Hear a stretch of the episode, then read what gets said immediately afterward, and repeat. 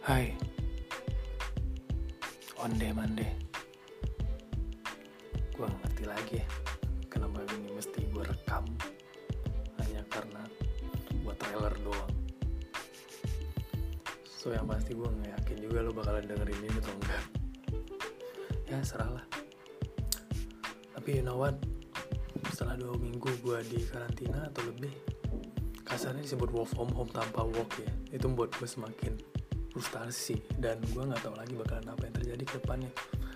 Mungkin bulan ini gue masih digaji sama kantor nggak tahu bulan depan gimana. Ya mungkin aja gue makan apa yang gue tanam aja dari hasil yang sebelumnya. Ini sebenarnya berat sama gue tapi menurut gue ini bukan sama gue aja ini berat buat semua orang